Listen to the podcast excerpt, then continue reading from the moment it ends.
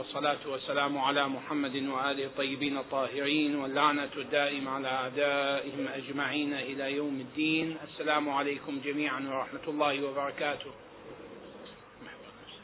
كان الكلام في الدليل العقلي على الإمامة بقسميها الإمامة العامة والإمامة الخاصة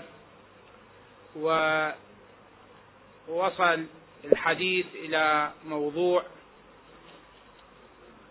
النص على ذلك.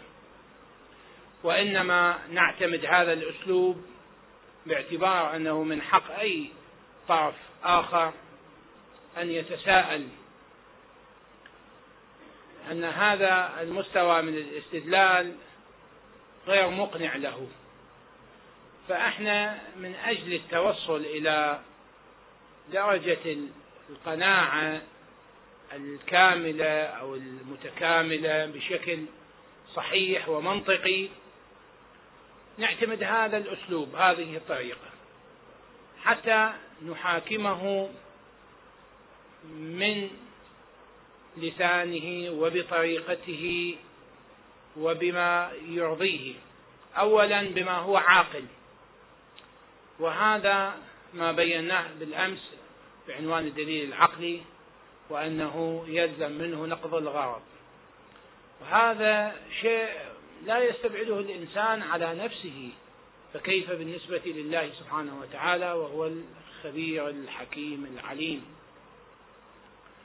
وبالتالي تكون هناك حالة لا يستطيع العاقل إلا أن يذعن بها إلا أن يقتنع بها.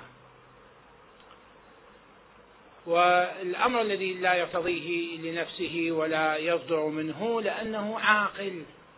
فكيف بخالق العقل وبرب العقل؟ المستوى الثاني أن بعض المستويات العقلية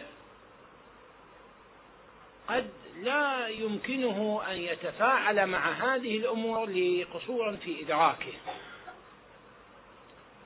أو لتشويش لديه. فالأسباب ربما تتعدد لكنها على أي حال النتيجة تقريبا واحدة. فبالتالي إحنا نحتاج إلى أن تكون هناك حالة تطويق من كل الجهات ولمصلحة الطرف المتلقي. نقول له إذا ما كان هذا الأمر واضح لك إحنا مستعدين أن نعطيك النص. هذا على أي طريقة؟ على طريقة أن بعض الأشخاص يقول لك أنا إذا ما أسمع بنفسي.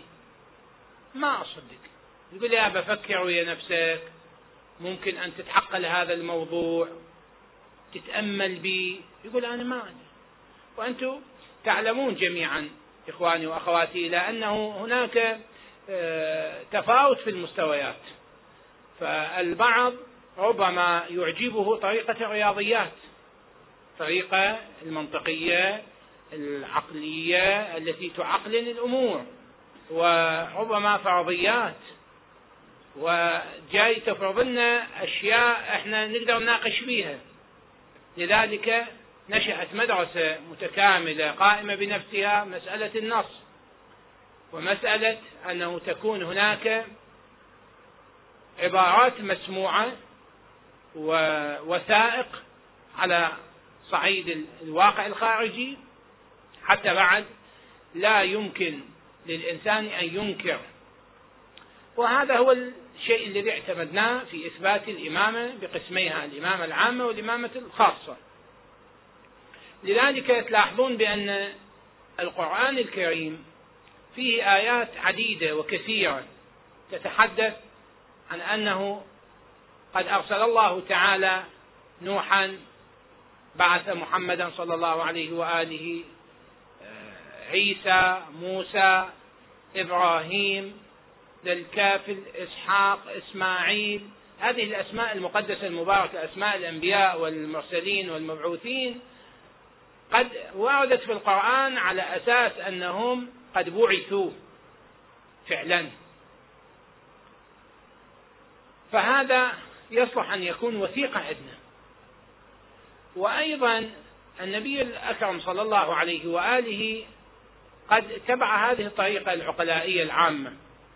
يعني هذا إحنا نريد نأسس في نفوسنا أولا ومن خلالنا بالنسبة إلى الطلاب الذين يتلقون منا.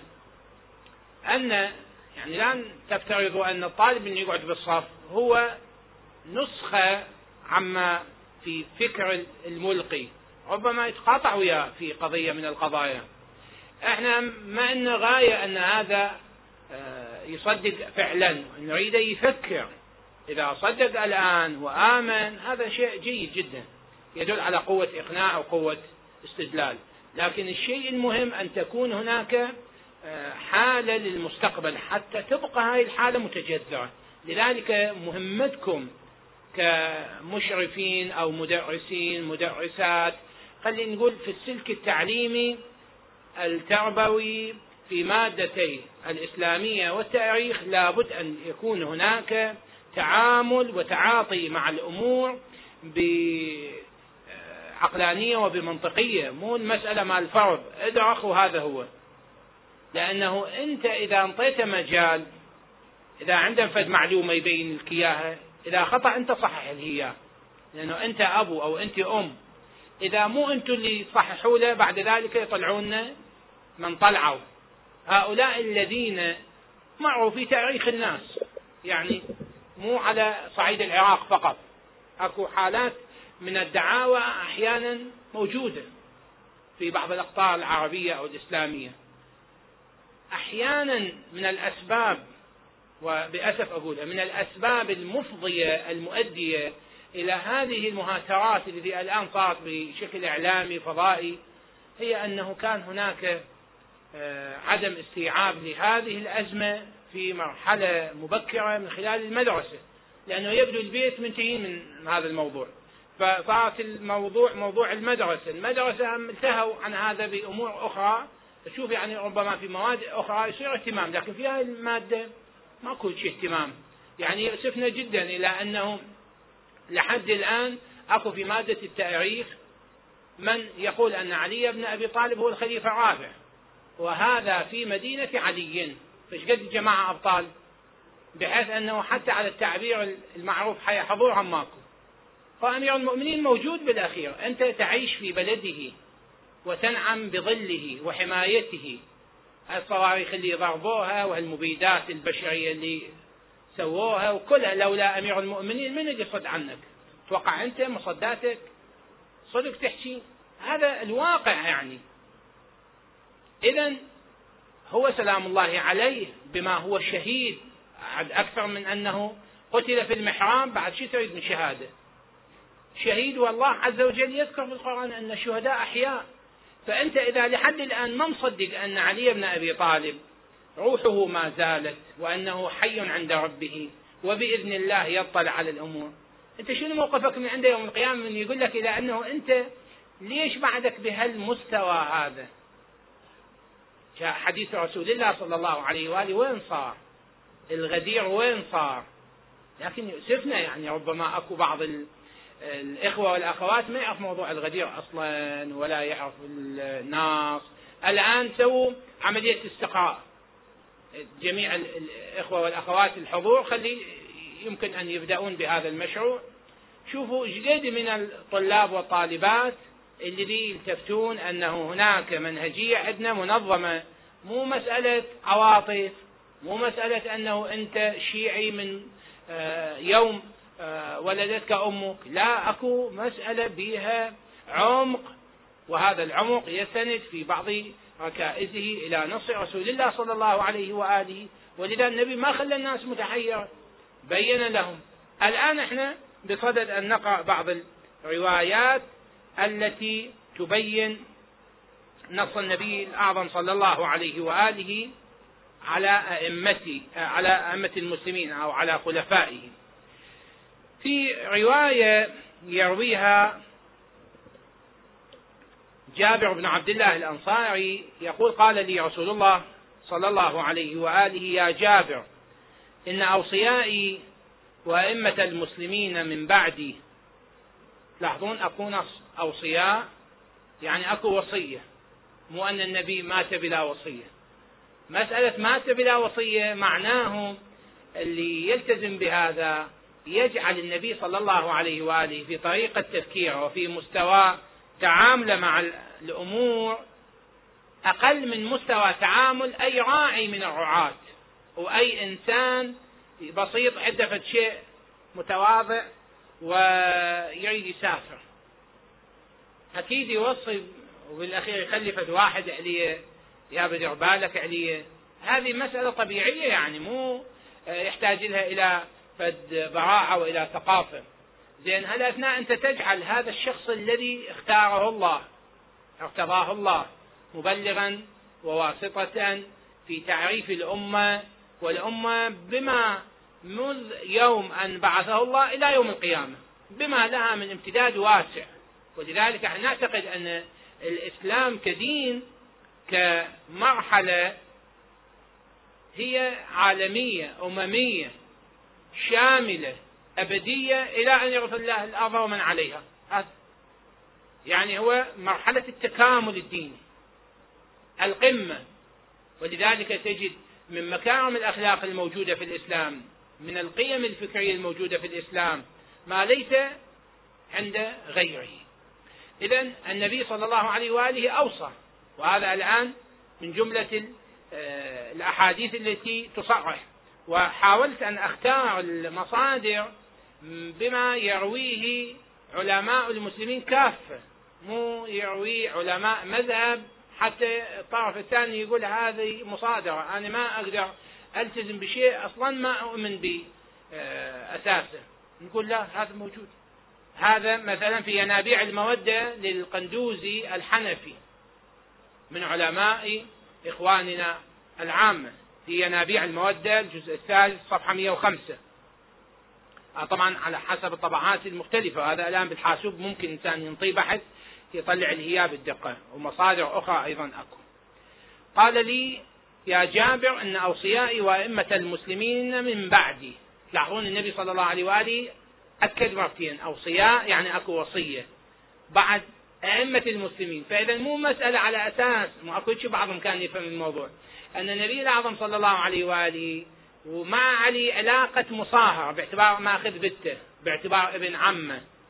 أمثال ذلك. يعني ميعوا القضية وذوبوها فما بقت على أساسها الذي يرتقي إلى مستوى أن هذه الخلافة الإلهية وهذه المسألة التي يكون من خلالها مصير الإنسان بشكل عام مرتبط بها ارتباطا وثيقا. إما يذهب الإنسان إلى الجنة وإما أعوذ بالله إلى جهنم. من خلال الالتزام بهذه الأمور.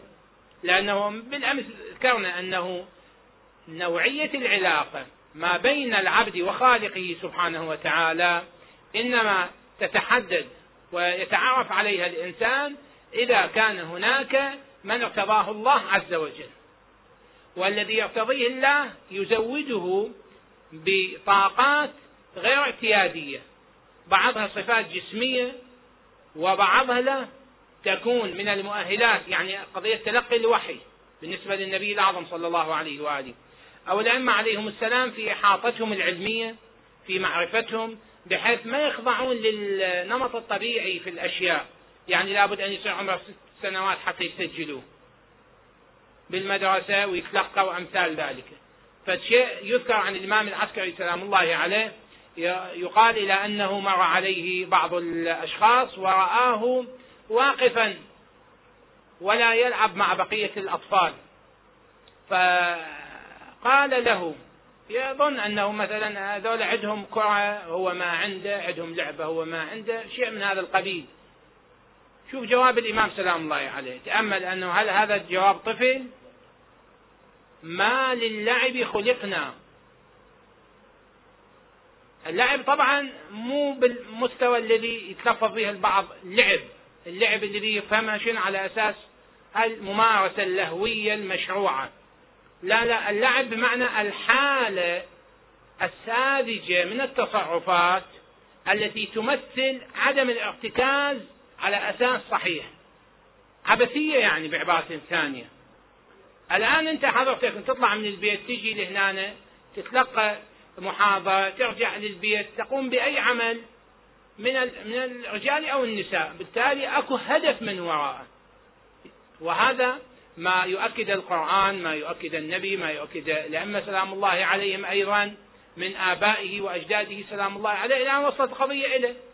وهي أنه الدنيا إنما خلقت لغيرها، أمير عليه السلام هكذا يقول، خلقت لغيرها لا لنفسها، كيف خلقت لغيرها؟ بمعنى أنه أنت الآن نازل في محطة وأكو عندك موعد انطلاق هناك ما بعده تحتاج إلى زاد هذا الزاد هنا تأمن نفسك فإذا أنت ما حصلت هذا الزاد ترى هناك تبقى حاير ما تقدر.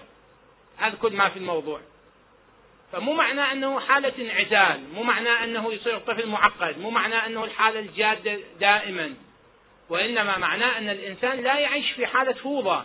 كما هذا للأسف مر بها جيل من الناس من أطفالنا من آه، إخواننا.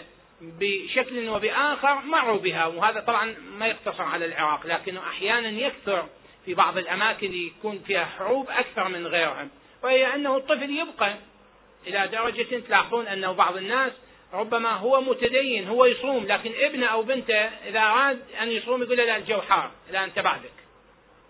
أو ابنه مثلا إذا عنده بكالوريا وأمثال ذلك الأم تمنع والأب يمنع وأمثال ذلك.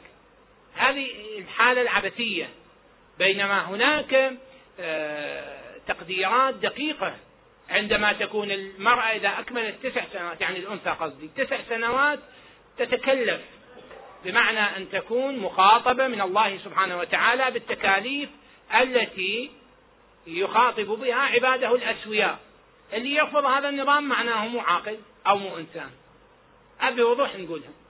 وهكذا بالنسبة إلى الذكور إذا أكمل الخمسة عشر سنة أو علامتين أخريتين اللي يمكن أن يكون قبل الخمسة عشر سنة. لكن عادة خمسة عشر سنة بحيث أنه يكون متأهل طبيعي.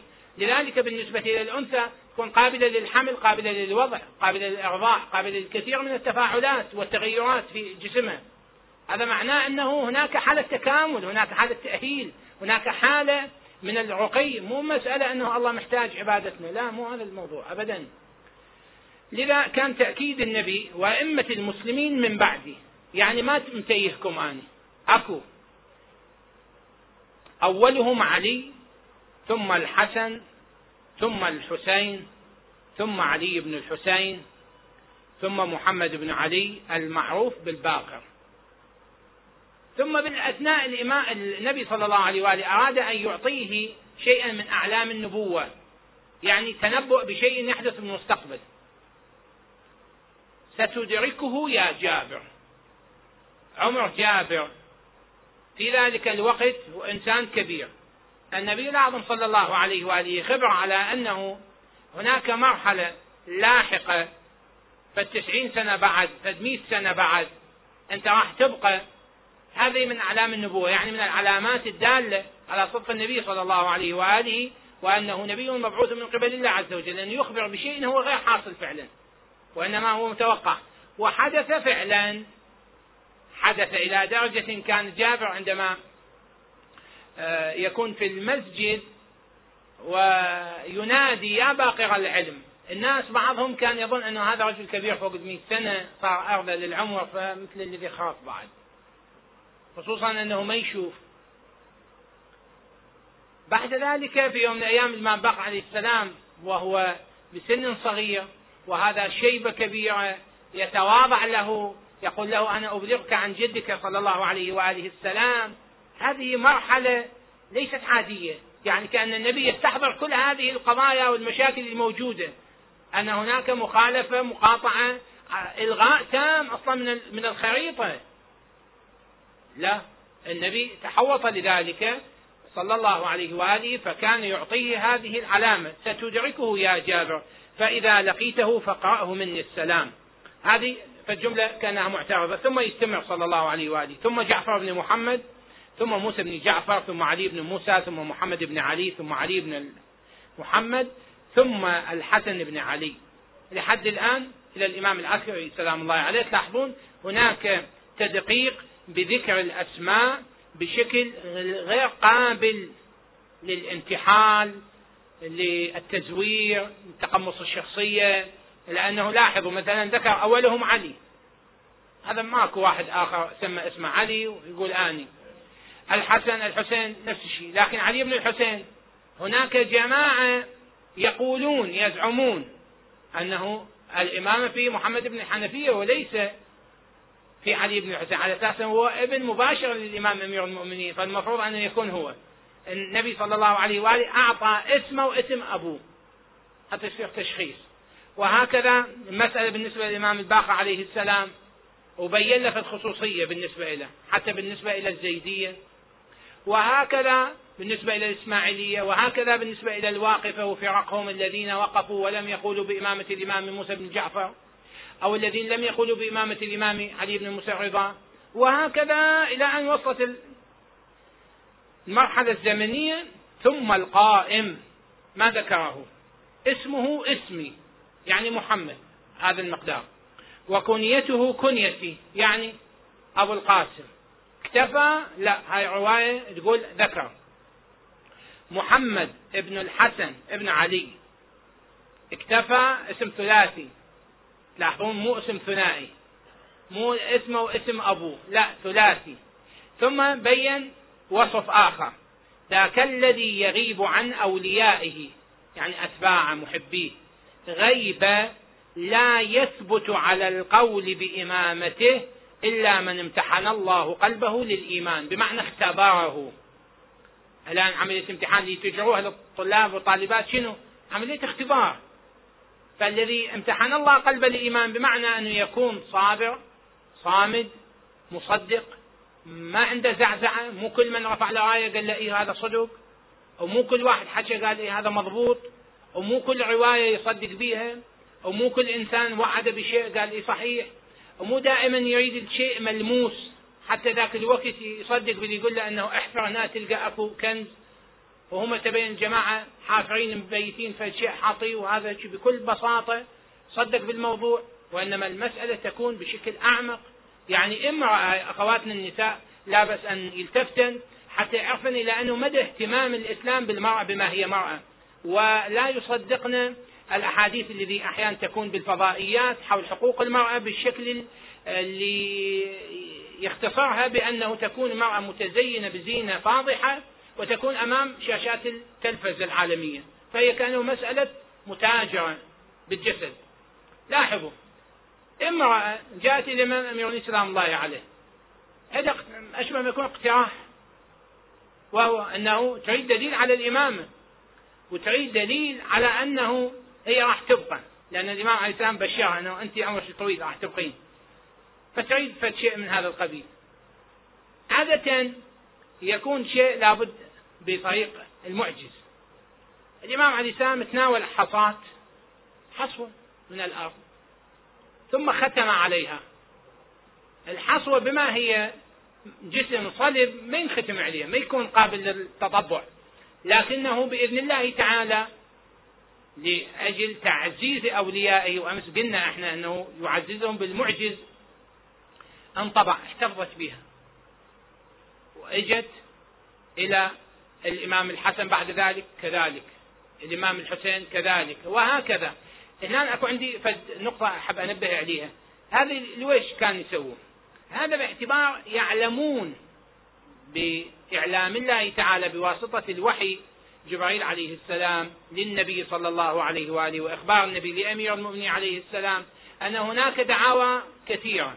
وهذه الدعاوى به تشريق وبه تغريب كل من يحكي شكل على الكلام العربي المعروف. كل يدعي وصلا بليلى. كل واحد يقول لك وأنا ابن بجتها والحال ما له أي شيء. زين خصم هذه المنازعات كيف يكون؟ يكون بالمعجز.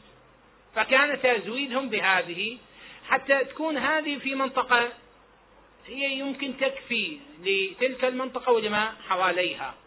فلذا تلاحظ بالروايات أكو حاله مثلا في بغداد أكو حاله بالكوفة أكو حاله في الاهواز أكو حاله في مختلف الأماكن أكو حالة تواصل بهالمستوى. فبقت هذه. لعله إلى عهد الإمام موسى بن جعفر سلام الله عليه ثم توفت. بحيث أنه هناك تحقيق لرغبة هذه المرأة. إذا الإمام سلام الله عليه كان يعاملها معاملة كاملة على أساس أنها كيان موجود في المجتمع. لكن هذا الكيان على أساس أن يكون نصف المجتمع ويقرأ على هذا المستوى. يقرأ على أساس أنه لها حق أن تفعل ما تفعل حتى يبلغ الأمر ببعض النساء بأمام الملأ العام بالفضائية تقول ماكو مانع أنه مثل ما الرجل يتزوج أكثر من زوجة المرأة كذا نقاط خلي. هذا معناه استهتار بكل القيم الإنسانية أكو أشياء يقشعر لها بدن الإنسان. اللي عنده الحالة الإنسانية متكاملة يخجل من هيك شيء. المرأة بما هي مرأة ترفض هذا المنطق. زين أعرف وين وصلت القضية؟ فهذه أفق من آفاق حالة المساواة. أما الإمام سلام الله عليه لا. يقول لها أنت من حقك. عندك مشكلة تريدين تعالجيها طيب شنو الشيء المقنع؟ موضوع المعجزة. ماكو إشكال. لكن لك ما تريدين وعليك ما يتطلبه وضعك بما أنت. ولذلك الوصية دائما بأن تلاحظ وضعها الطبيعي في المجتمع لتنشط فيه لأنه ما أعطى الإسلام للرجل الحالة المحلقة في الأعالي من دون المرأة كما لم يعطي للمرأة. يعني كأنه إحنا نقلب عليهم الكلام نقول لهم أنه أنتم شنو؟ الذي سويتوه أنتم تنقدون أنه على فرض هذا هو مو صحيح لكن على فرض. أنه هؤلاء غالوا في الرجل ورفعوه الأنبياء رجال القضاة رجال الأئمة رجال العلماء رجال المراجع رجال. ليش ما تخلون معه شنو المانع من عدم؟ نقول إذا يعني أنتم تتصورون الغينا دور المرأة إيه؟ طيب خلينا نشوف. أنتم الآن اللي سويتوه شنو؟ صار نسونة المجتمع. بالبرلمان خلوا 25% طيب. زين هل أثناء هو إذا حكى رئيس البرلمان حكاية هي وصلت القضية قامت تبكي. وإحنا بالبواشي ما نحل مشكلة. من قبيل اللي ساعة الساعة واحد وقت شو اسمه يقوم يصيح. خلاص صيح إحنا ما تفاهمنا. إحنا نوصل إلى قضية معينة. فاذا أنتم إحنا صعدنا رجال من جانب على تقدير هذه التهمة صحيحة أنتم صعدتوا المرأة. وكلاهما مو صحيح. الإمام علي السلام تعامل مع الموضوع بالشكل الواقعي. قال هذه من حقها أن تفهم الأمور تفضل هذا الدليل وبقت الجانب الثاني إذا هذه أول نقطة كان لرد الشبهات ولقطع الدعاوى وأكو واحد يجي يقول إلى أنه الائمه عليهم السلام ليش ما حلوا القضية؟ بل إجاني فالسؤال فد مره أنه الله عز وجل ليش ما جعل بالقرآن اسم علي بن ابي طالب وخلصنا من الموضوع؟ النبي ليش ما حكاها من الأول وخلصنا من الموضوع؟ فهو يقترح اقتراحات بناء أنه هذه واقعية. والحال أنه الإنسان كيف يميز؟ هذا من قبل يجيكم واحد يطالبكم يقول لكم أنتم أنطوا الأجوبة الصحيحة أو لقنوه للطالب وخليه يجاوب حتى يأخذ الدرجه شنو جوابكم؟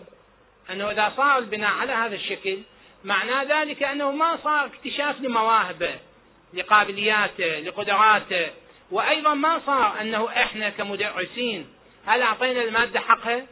لو لا المسألة هيك مجرد حكيت وطلعت. يعني صارت المشاكل الخاصة تأثر تطغى اليوم عندي شغل اليوم مريض اليوم تعبان اليوم عندي مناسبة اجتماعية فأضرب الحصة وأطلع. فهذا صار على الطالب تأثيرا. وبالتالي شوف مستوى النجاح ربما محدود في بعض الحالات أو أنه بالنجف ويجاوب مادة التاريخ أن علي بن أبي طالب الخليفة الرابع.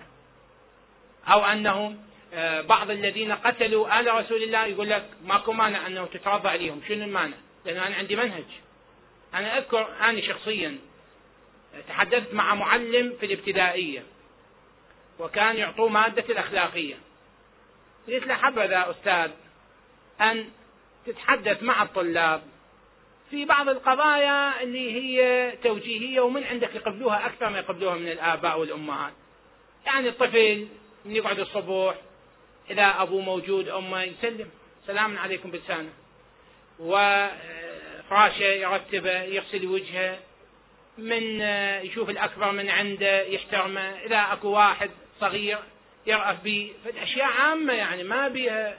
قال لا سيدنا ما نقدر إحنا لأنه هذا ما موجود بالمنهج. طيب الموجود بالمنهج شنو؟ الوطنية اللي كانوا يدرسوها موجودة بالمنهج؟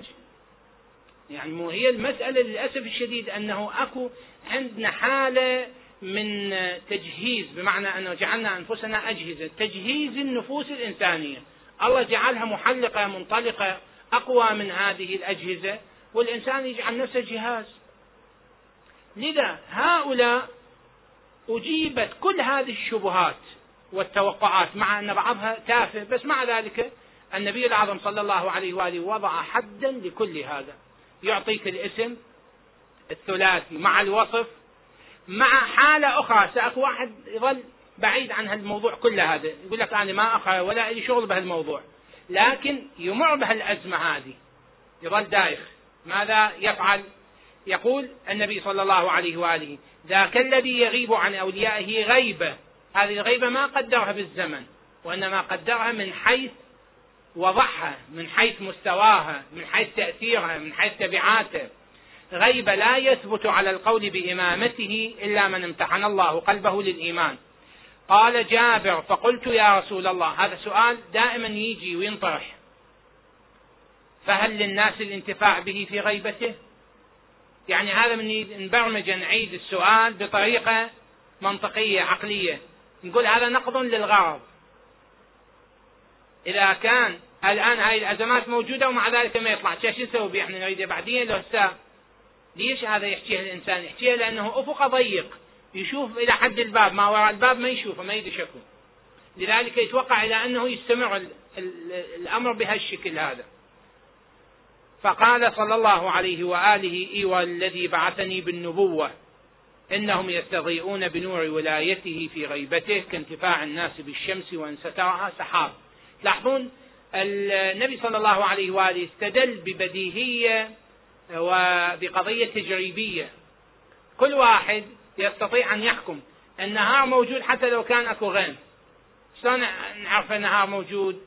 باعتبار إلى أنه الآن أكو حالة إشراق وحالة إسفار مو حالة ظلمة مو حالة حتمة فبالتالي الشمس طالعة. وهذا النهار موجود. قضية رياضية منطقية طبيعية كلش واضحة. هسه يجي واحد يقول لي يابا بالشتاء ماكو شمس ما شفنا شمس. لندن غيرها مدينة السحاب هذه والضباب. فشلون شنو رأيك؟ كلها نهار لو كلها العفو كلها ليل ما بيها نهار؟ أكيد بيها نهار. شاهد استقبالات هذه حركة الناس الأسواق أمثال ذلك الحالة العامة الدوائر. وفي أي وقت مو بالليل يشتغلون بالنهار. إذا النهار موجود لكن شمس ستراها السحاب. فيقول له ليش تستبعده؟ يعني هاي الفكرة منين انت جاية ببالك؟ منين داخلة عندك؟ إلى أنه لازم يجي قبالي أشوفه. لذلك كانت هناك تأكيدات من النبي صلى الله عليه وآله أن موضوع الإمامة بما هي قيادة الأمة بما هي حالة آه، عامة يفترض انقياد الناس إليها واتباعهم لتعاليم الإمام عليه السلام فأعطى المواصفات القاطعة لهذه الإشكالات كلها. ولذلك الآن إحنا نعتقد بالنسبة إلى الإمام سلام الله عليه الإمام المهدي بعدة صفات يمكن أن نلخصها من خلال كم نقطة حتى نلاحظ إلى أنه يتميز على غيره من أدعياء المهدوية لو لا. تعلمون أنه بالسودان أكو هذه الفكرة موجودة. الطرق الصوفية بصورة عامة بطريق أو بآخر يحاولون يوصلون إلى هالموضوع هذا. ليش؟ وهذا على فكرة عند المسيحيين موجود وعند غيرهم موجود وحتى عند بعض اللادينيين أيضا أكو عندهم حالة عندما ييأس يقول لك أنه لابد من مخلص لابد من منقذ. إحنا اولا نعتقد في الإمام عليه السلام أنه الإمام المفترض الطاعة. وافتراض الطاعة إنما عرفناه باعتبار الضرورة العقلية.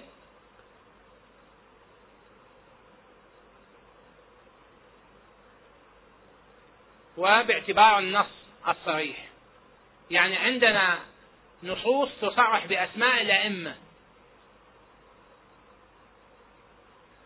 وهذا التصريح بعد يقطع كل مجال للريب للشك بعد ما يجي واحد يقول أنا لأنه تصير المسألة مهزلة. يعني سجاح امرأة. شنو الذي وصل بها المواصلة أن تقول أنا نبية يعني يجي بعد جفة الأواني والقرب وخلصوا الناس. مو لأنه المرأة لا تستحق هذه المرتبة لأن وضعها ومؤهلاتها هي قائدة في مجال آخر. يعني أكو أقطاب دائما. موجب وسالب. كل هذه الحركة وكل هالنظام الكوني قائم على هذا. الموجب لو تريد تعجز حتى تسوي سالب ما يصير. والعكس أيضا صحيح. لا نقص في السالب ولا كمال في الموجب. هاي النقطة هاي مهمة. لابد أخواتي الكريمات انتبهوا لهذا الموضوع وكن تنبهون أيضا عليه. وإنما الحالة التكاملية تحصل كذلك. إحنا ما قلنا أن الكون أحادي. أحادي إذا من حيث الخلقة الله هو الخالق الواحد بل صحيح. أما من حيث الحالة الموجودة أو الوجودية فهو ليس أحادي ثنائي. لا يمكن أن يكون أحاديا. ما يشتغل ما يصير ما يأثر الأثر.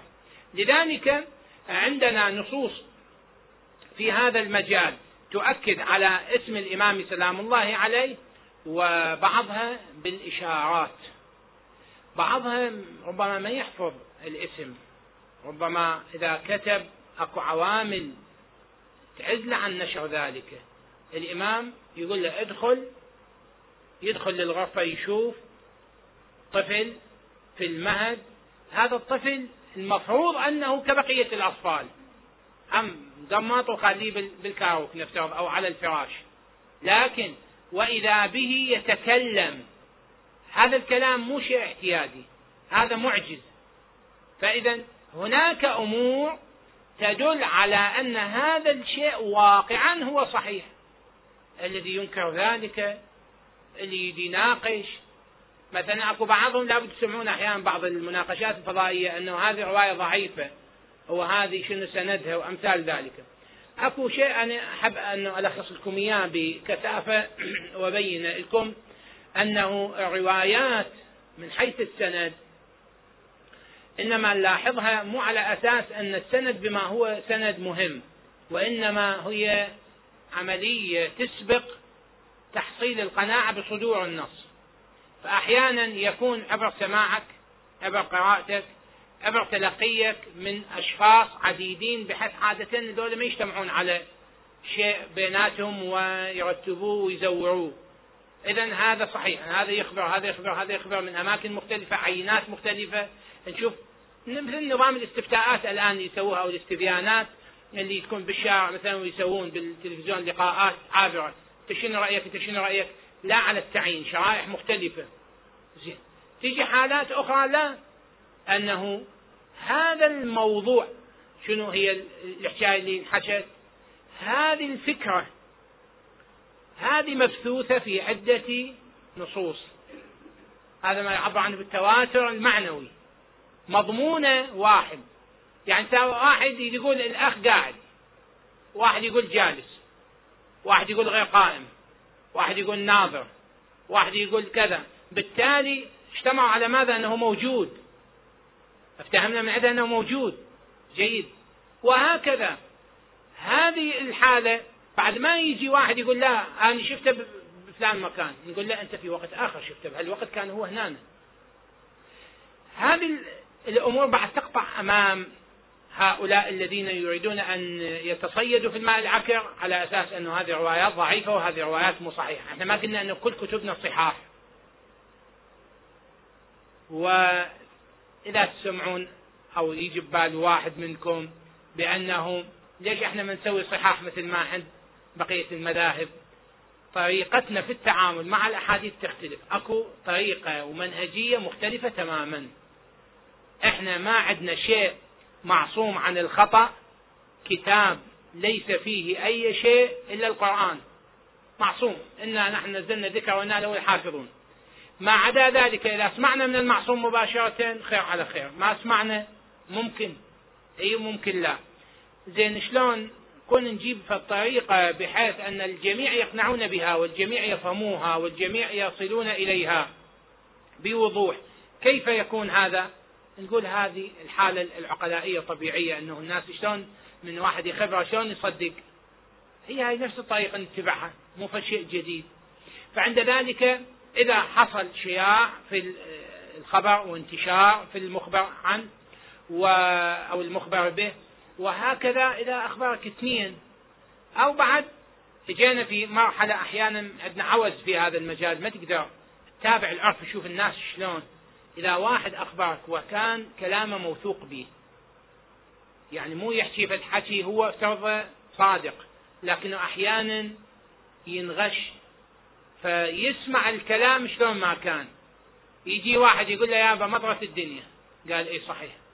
شلون صحيح؟ مو هاي الشمس وهذا النهار الجو درجة الحرارة. قال كان إيش مدري يعني مو فلان يقول. اي ادري فلان يقول عن غير مكان غير قارة مو هنا فمثل هذا ما ممكن هم كل حكاية الإنسان يأتي ويأخذ بها ويصدق بها. يحتاج إلى أنه كل حكاية اللي تجي يفكر بها. لكن هل هذه على طريقة ما عند بعضهم الآن في بعض المنتديات في بعض المؤتمرات على أساس أنه إحنا بعض النصوص ما نفهمها وهي مو صحيحة. ورأسا يريد يخلي القضية آه، متناظرة مع بعض الأبحاث العلمية. هذه قضايا روحانية وغيبية لا يمكن مناظرتها دائما مع الحالة الطبيعية التجريبية لأن التجارب ممكن أن تتجدد. أما هذه إذا ثبتت نسبتها للمعصوم فهي الصحيح أنت تقول بأنه أنا بعد ما مقتنع بها على راحتك. لكن لا تنفيها لا تستعجل بنفيها. إذا أول شيء كان عندنا نعتقد فيه أنه الإمام المفترض الطاعة. بعد الشيء الثاني أنه المصلح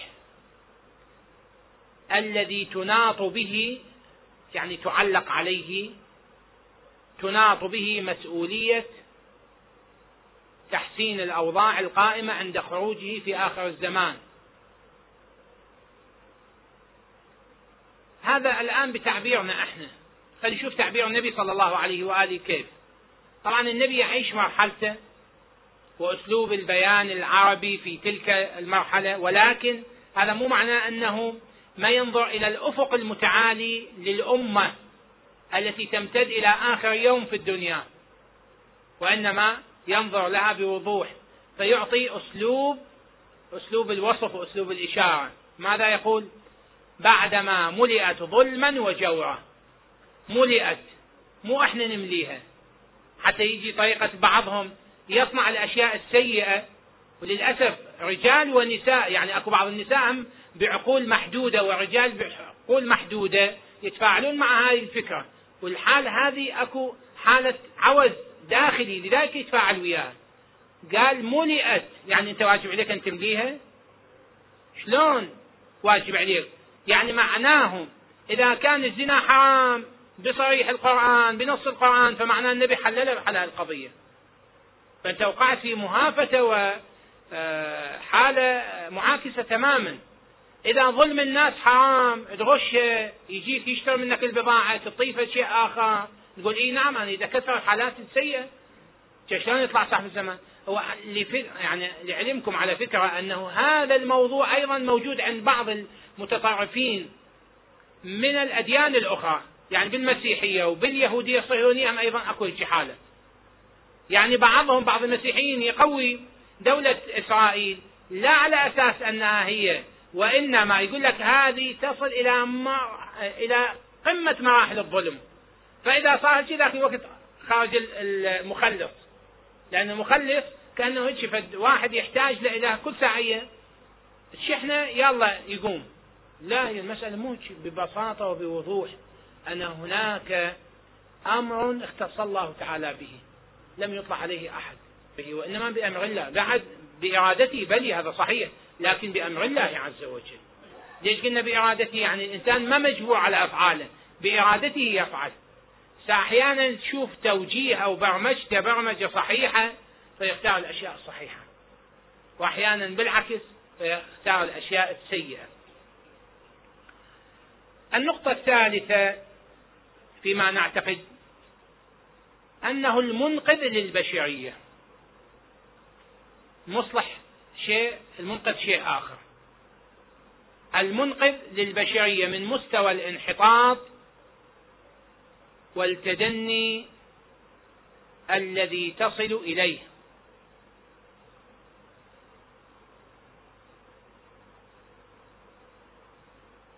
وهذا طبعا بسبب غلبة قوى الشر وحجم قوتها الغالبة فبالتالي هذا العنصر الإيجابي في المجتمع آه، رأسا ينزلق.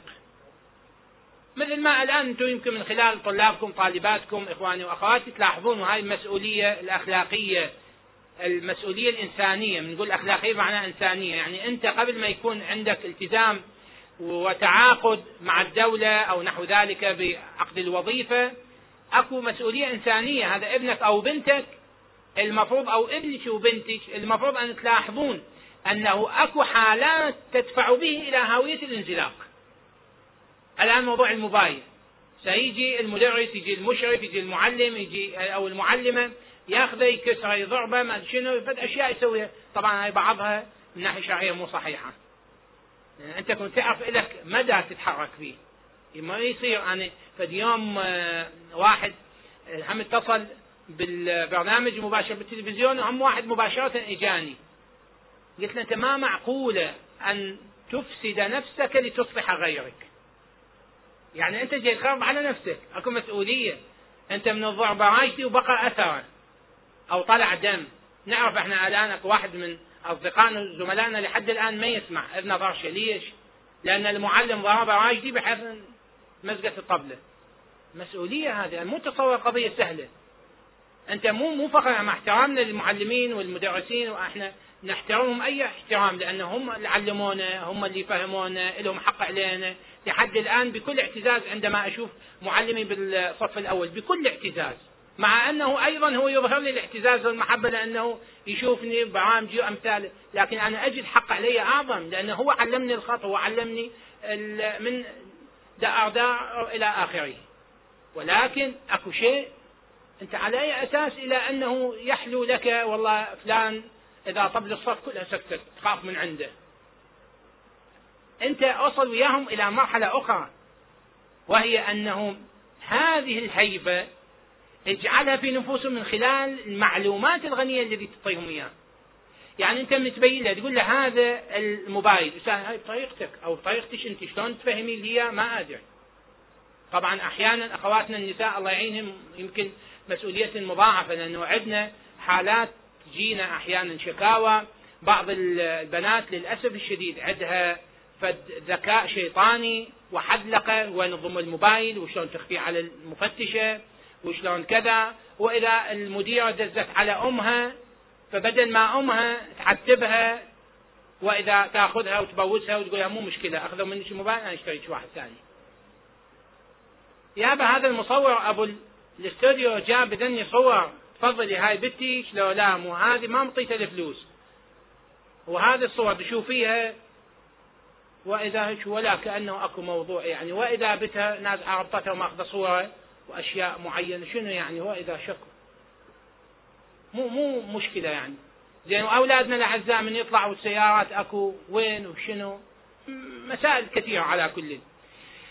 شاهدنا أنه أكو قوة مقابلنا ضارية شديدة. شلون إحنا نواجه؟ أنت كنت فهم أو أنت كنت فهميها أنه هناك حالة مؤقتة وحالة دائمة. طبعا ماكو واحد لا يعيد الحالة الدائمة. هذا الشيء المؤقت الذي يكون من خلال رغبة في المادة في الجنس في أشياء أخرى أي شيء منصب في جاه في مواعيد في أي شيء. بالأخير هذا شيء مؤقت محجم. وما بعد ذلك الخسارة. الآن ماكو واحد من يريد يحقق لنفسه طموحات إن كان من قطاع النساء أو قطاع الشباب. طموحاتك شلون تحققها؟ اشتريت كارتات موبايل وخليت وراسلت واستلم الصور ودزيت الصور ووقعت في حبالك كذا عدد وهي بالمقابل كذلك. وحدث ما حدث. فالنتيجة هذه لا توظف بيها. ولا تزوج بيها ولا صار وزير بيها ولا فتح الفتوح بيها.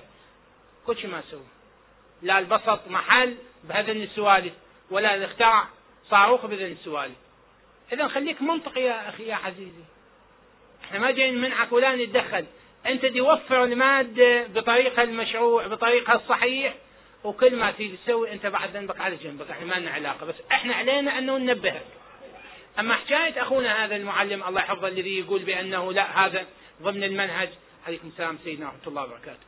أنه هذه آه، مو ضمن المنهج هاي مسألة معناه الجانب الإنسان خلينا على جانب. يعني هذا مثل ما من آه، يصير عنده شغل داوجه وطلع. يا بشنو قال له يلا ما يخالف سماع لا رياضيات ولا كيمياء هي إسلامية أو رياضة.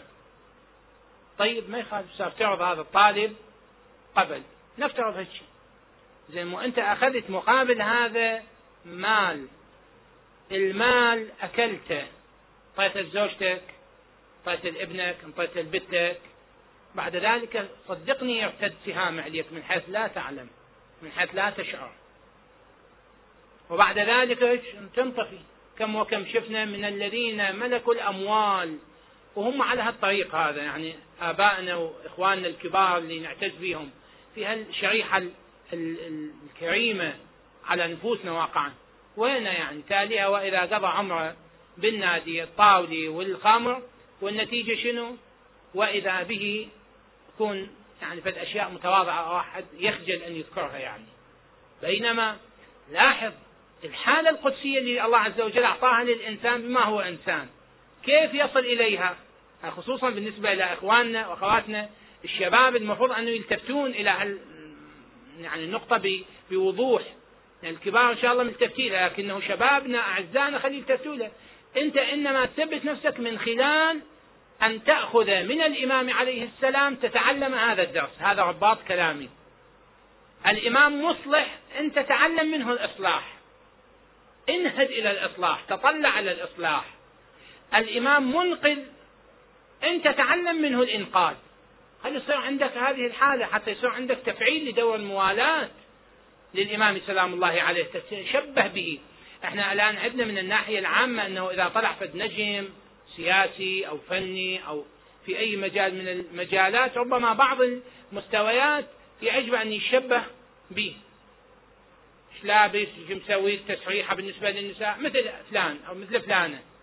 وهذا إمامك. شوف أنت اذا جربت غيره أحسن من عنده روح ويا غيره. لكن تجي تشوف الآن ادخلوا على مواقع الإنترنت وشوفوا إيش قد من غير المسلمين.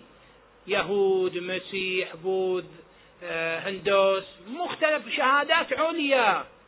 وإذا يخضعون للإسلام ويأتون ويعلنون إسلامهم. هذا الأمر سيكتم عليه أحيانا ما يظهر على كل هواية أكو حالات آه، معاكسة. لكن على كل هو موجود. هؤلاء كانوا قد ملكوا. اولا جربوا اللذات أكثر من عندك.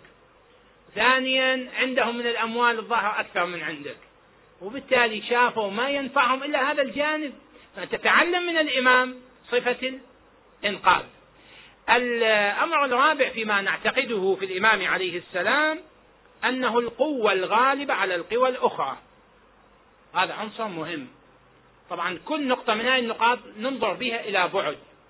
بعد عقائدي بعد تربوي بعد اجتماعي بعد عسكري. بالتسلسل اديتكم إياه.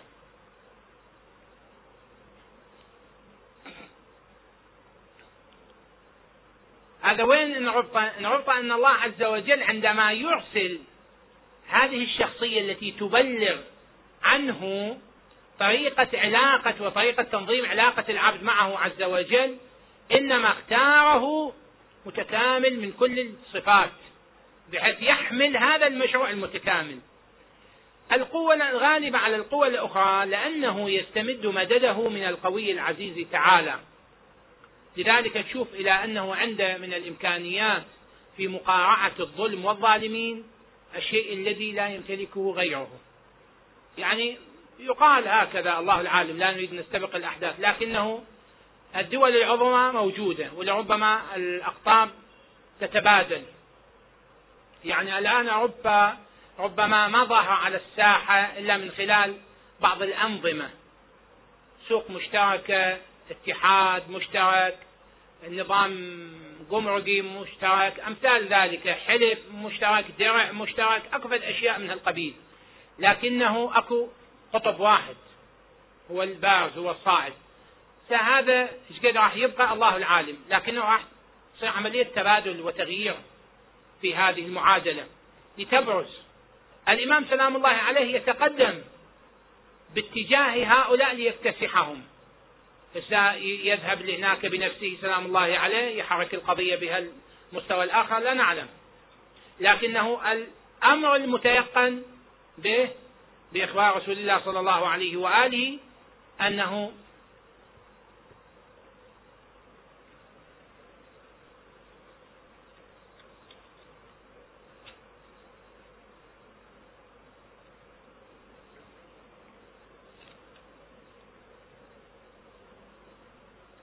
المهدي منا أهل البيت يصلحه الله في ليلة. يصلحه بمعنى ماذا؟ بمعنى يهيئ أمره وشأنه فيهيئ له الأسباب ليقوم بالأمر وينهض للإصلاح. لذلك في نسخة أخرى في رواية أخرى يصلح الله أمره. يعني يرتب له الأمور ويهيئ الهياء في ظرفية وقت قصير. الآن حتى تسوي لك حكومة يحتاج إلى انتخابات وأحيانا قبل الانتخابات هم يحتاج إلى تعداد سكاني وتهيئة وبعد كذا سنة راح تصير قضية معينة. لكنه هذه القوانين كلها تختصر في ليلة. ليلة على أساس 12 ساعة أكثر أقل ما بين المغرب إلى طلوع الفجر. المهم أنها هي وحدة زمنية قصيرة. هذا المهم. فإذا هناك حالة من الإرادة الإلهية المحققة على إصلاح الوضع. عند ذلك تتبدل الأمور تماما. لذا وهي قضية موثقة يعني في العراق حدثت وفي كركوك بالذات قبل سنوات اللي نقلها يعني هو أحد أطراف الموضوع. كانت شركة من شركات النفط أو العاملة في مجال النفط تعلمون في كركوك أكو آه، حقول وآبار وأمثال ذلك. فيقول توقفت السيارة. فهذا وأصور كان فرنسي هو. يقول هذا العراقي أنا ظليت أفكر لأنه شوف في السيارة حتى يوديني إلى حي الصناعي أجيب لي فيتر كذا. يقول هذا مد على صندوق السيارة طلع مسدس أطلق من عنده اطلاقا. يقول أنا استغربت شنو؟ بس أنا حاير بالسيارة. يقول بعدها حكيت وياه قلت له أنت شنو سويت محل هذه السياره يقول قال لي إحنا نعلم. أن هناك رجل يخرج في جزيرة العرب. إذا خرج تتعطل الوسائل المتقدمة المتطورة الآلية ما شئت فعبر. لأنه هاي ترجمة عن ترجمة إلى أن وصلت إزاي أحكي لكم إياها. أنا عندما توقفت السيارة فجأة إجت ببالي هالمعلومة. فأردت أنه أميز بعد. أنظر إلى الساعة جاي تشتغل ماكو مشكلة. أشوف أن السلاح يعمل أو لا يعمل. أقول أنا استغربت.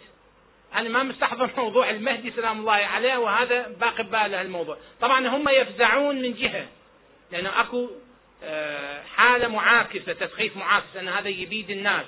وفي الواقع ما يبيدهم وإنما هو يدعوهم. فتكون هناك المعادلة. والدعوة ما بها ضغط. شو تريد؟ تريد واحد يتعرفه هذا المسيح عيسى بن مريم. ينزل سلام الله عليه من السماء وهو شاب ويقطر كأنما يقطر رأسه ماء. يعني شلون واحد راسه مبلل غاسل وطالع دليل على يعني كناية عن الحيوية والشباب والنشاط. ومو أنه فد لأنهم الجماعة يتصورون أنه قتل ومات وصلب. لا هذا حي تبين. يعيش عيشة الأحياء. يصلي خلف الإمام والجماعة كلهم يعرفوه وكلهم يشوفوه. وكما الآن قضية البث المباشر الجهات كلها تتوجه إلى نقطة واحدة فالذي ينجو بنفسه يؤمن اللي يعاند ويظل يماطل هذا بعد لابد من تصفيته باعتبار أنه يكون لاحظوا هذه النقطة مهمة لأن الآن يسوق على أساس أنه موضوع إرهاب. لا وإنما دفاع عن النفس لأنه هذا يريد أن يستأصل الحالة المدنية. رب العالمين. والسلام عليكم ورحمة الله وبركاته.